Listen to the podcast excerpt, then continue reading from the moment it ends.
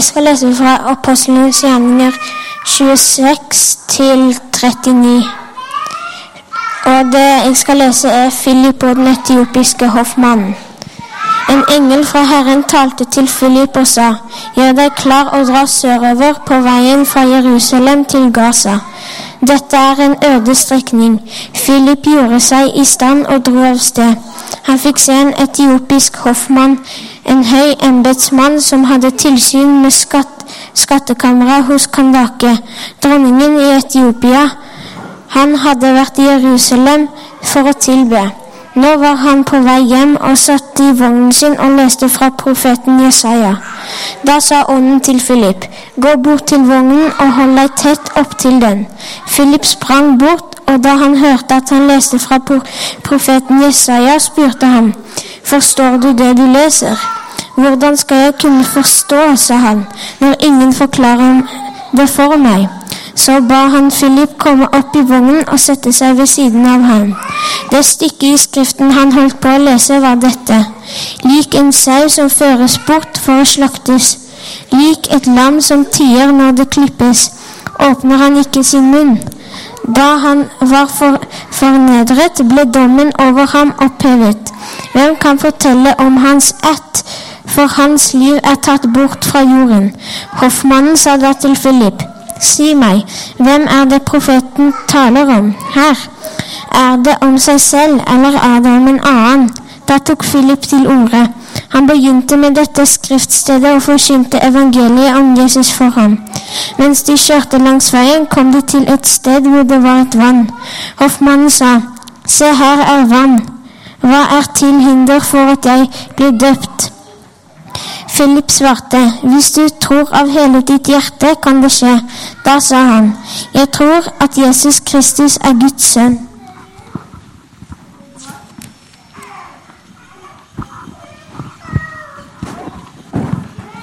Så lot han vognen stanse, og da steg de ned i vannet, både Philip og hoffmannen. Og Philip døpte ham. Da, da de steg opp av vannet, rykket her, Herrens hånd Philip bort, og hoffmannen så, så ham ikke lenger. Han fortsatte lykkelig videre på sin vei.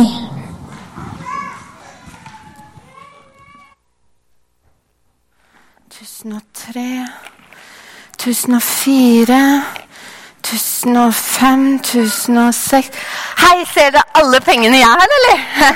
ser dere? Jeg har så masse penger. Eh, men de er egentlig ikke mine. Dere skjønner at eh, de er dronningens, da. Jeg er liksom sjefen for alle pengene til dronningen. Ja, på en måte sånn finansminister, som de voksne ville sagt, men jeg kaller det heller pengesjef. For jeg får liksom lov til å bestemme over disse pengene. Eller på en måte ikke, men dere skjønner. Jeg har jobba her så lenge. Ja, det er hos dronningen i palasset i Etiopia, vet dere. Ja, Dere ser jo jeg har på etiopiske klær, det skjønner dere jo. Så jeg sitter her og jobber i palasset, men det har ikke alltid vært sånn. Jeg har ikke alltid jobba her. Jo, jeg har jo jobba her lenge, men jeg har ikke alltid jobba her som meg. For det skjedde Det har liksom skjedd en endring.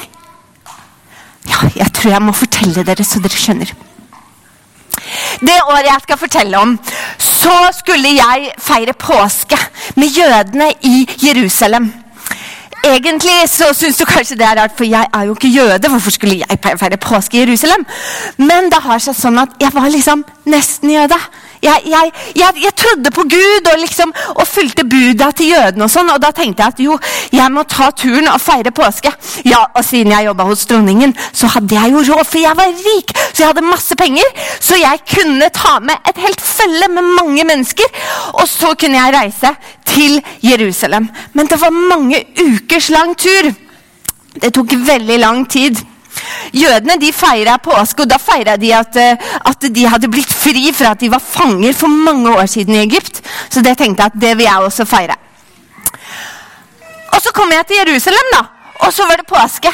Men det som skjedde, det var at jeg, jeg var liksom ikke jøde nok. Jeg var jo utlending, så jeg kunne ikke komme inn i tempelet. Jeg kunne ikke engang komme inn i sånn den ytterste inngangen hvor liksom nesten alle kunne komme inn, fordi jeg jobba hos dronningen. Det var så kjedelig. Så jeg måtte rett og slett dra derfra uten å ha vært inne i tempelet, der de ofra de sauer og sånn den påska. Så dro jeg, så var jeg litt skuffa. Men jeg hadde samla opp masse penger, sånn at jeg kunne kjøpe min egen skriftrull.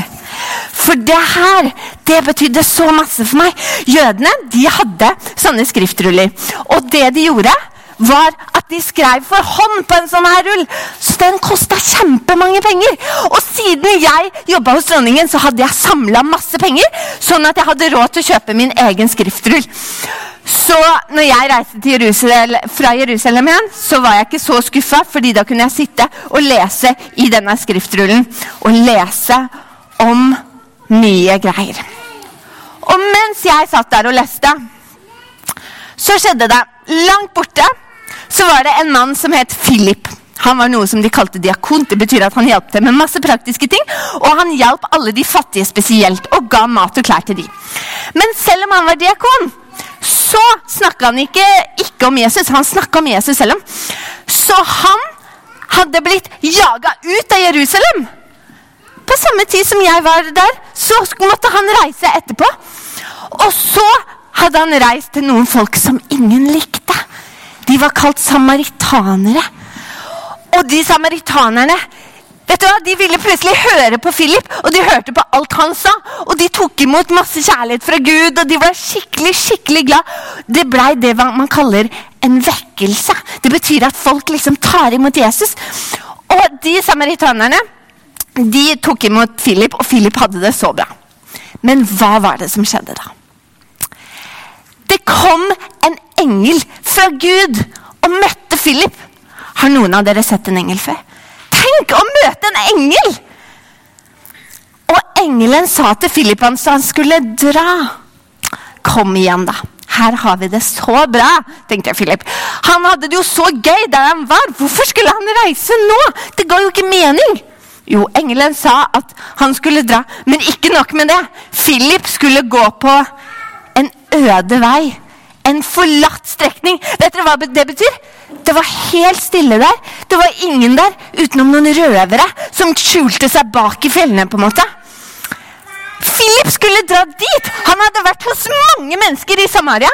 Og så skulle han gå på en helt tom, øde strekning i ørkenen, liksom. Men når Herrens engel sier det, så må du liksom høre på, da. Så Philip gjorde som engelen sa, men han må jo ha lurt på litt. Liksom, Kom igjen, da, Gud, jeg som ville være med mange mennesker. Og så får du meg til å gå på en sånn tom vei hvor det bare er kanskje røvere. Hva var vitsen med det?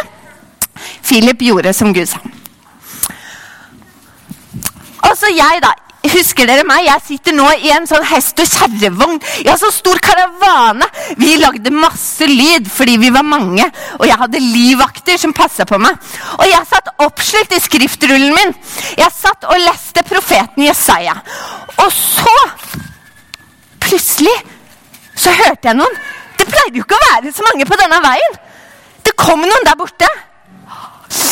Er det røvere? Jeg håper ikke det er røvere, tenkte jeg. Men jeg måtte huske, jeg hadde jo med meg livvakter, så det gikk jo bra. Og så plutselig så kommer den mannen. Han begynte å gå først, og så kom han løpende. Og så slapp livvaktene forbi han mannen. Så han kom til meg. Og han Jeg vet ikke. Han, han sa 'Forstår du det du leser?' Han hadde liksom fått med seg at jeg leste, da. Kanskje han hadde hørt. Jeg vet ikke helt. Han spurte om jeg forsto, og jeg bare han så ikke ut som en prest. Han så ikke ut som en av de skriftlærde, de som hadde peiling på skriftene. Så han skjønte kanskje like lite som meg. Så jeg tenkte ja, ja, det er jo greit at det er noen som ikke forstår sånn som meg. Så jeg sa hvordan skal jeg forstå når ingen forklarer meg? Men det så ut som han visste et eller annet. Han men jeg tenkte uansett, han må jo ha vært veldig sliten og varm. Fordi han hadde jo liksom løpt, og dette her var liksom i ørkenen. Så jeg sa stopp! Og hele karavanen min stoppa. Alle sammen. Og så gikk han som heter Philip, sa han, han gikk opp i vogna med meg. Og så satt vi der. Har dere noen gang lest i Bibelen og syntes det var litt vanskelig å forstå? Det er ikke alltid det er så lett. Det er noen ting som er veldig vanskelig, så jeg skjønte ikke alt. Og nå satt jeg og leste profeten Jesaja. Profeten Jesaja snakka om en mann som ble sammenligna med en sau. Og, og profeten Isaiah sa at den mannen den var som en sau som skulle dø. Eh, som en sau som skulle få håret klippa av og uten å si noen ting. Sauen hadde liksom vært stille. Jeg skjønte ikke. Jeg bare spurte snakker profeten Jesaja om seg sjøl, eller snakker han om en annen. Hvem er denne sauen som skulle liksom bli klipt eller kanskje dø? Har noen av dere hørt om det? Hvem kan den sauen være? Er det noen av dere store? Ja. Vet du hvem sauen var?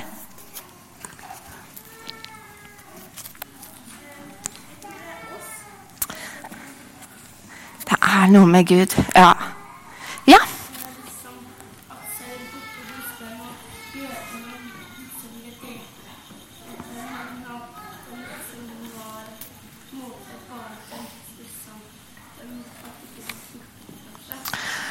Det var så mye vanskelig å forstå. Og jeg satt og jeg skjønte jo ikke. Jeg hadde jo brukt masse penger på den her, men jeg skjønte ikke.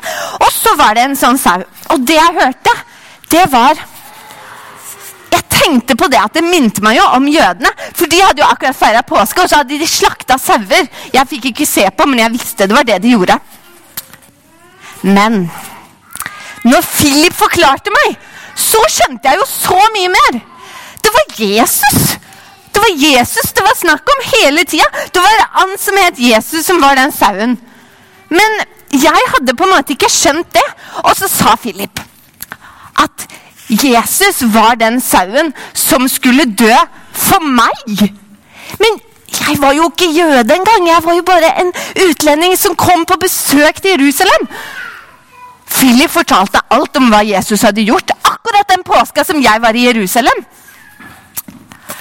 Noen ganger så er det så mye lettere å lese Bibelen når vi får hjelp av noen til å forstå. Med en gang Philip forklarte meg, så skjønte jeg det så mye bedre. Da var det så mye lettere å forstå. Det var veldig bra. Etter Philip hadde snakka om Jesus, så kjente jeg det bobla inni meg. Det var som en brann, liksom.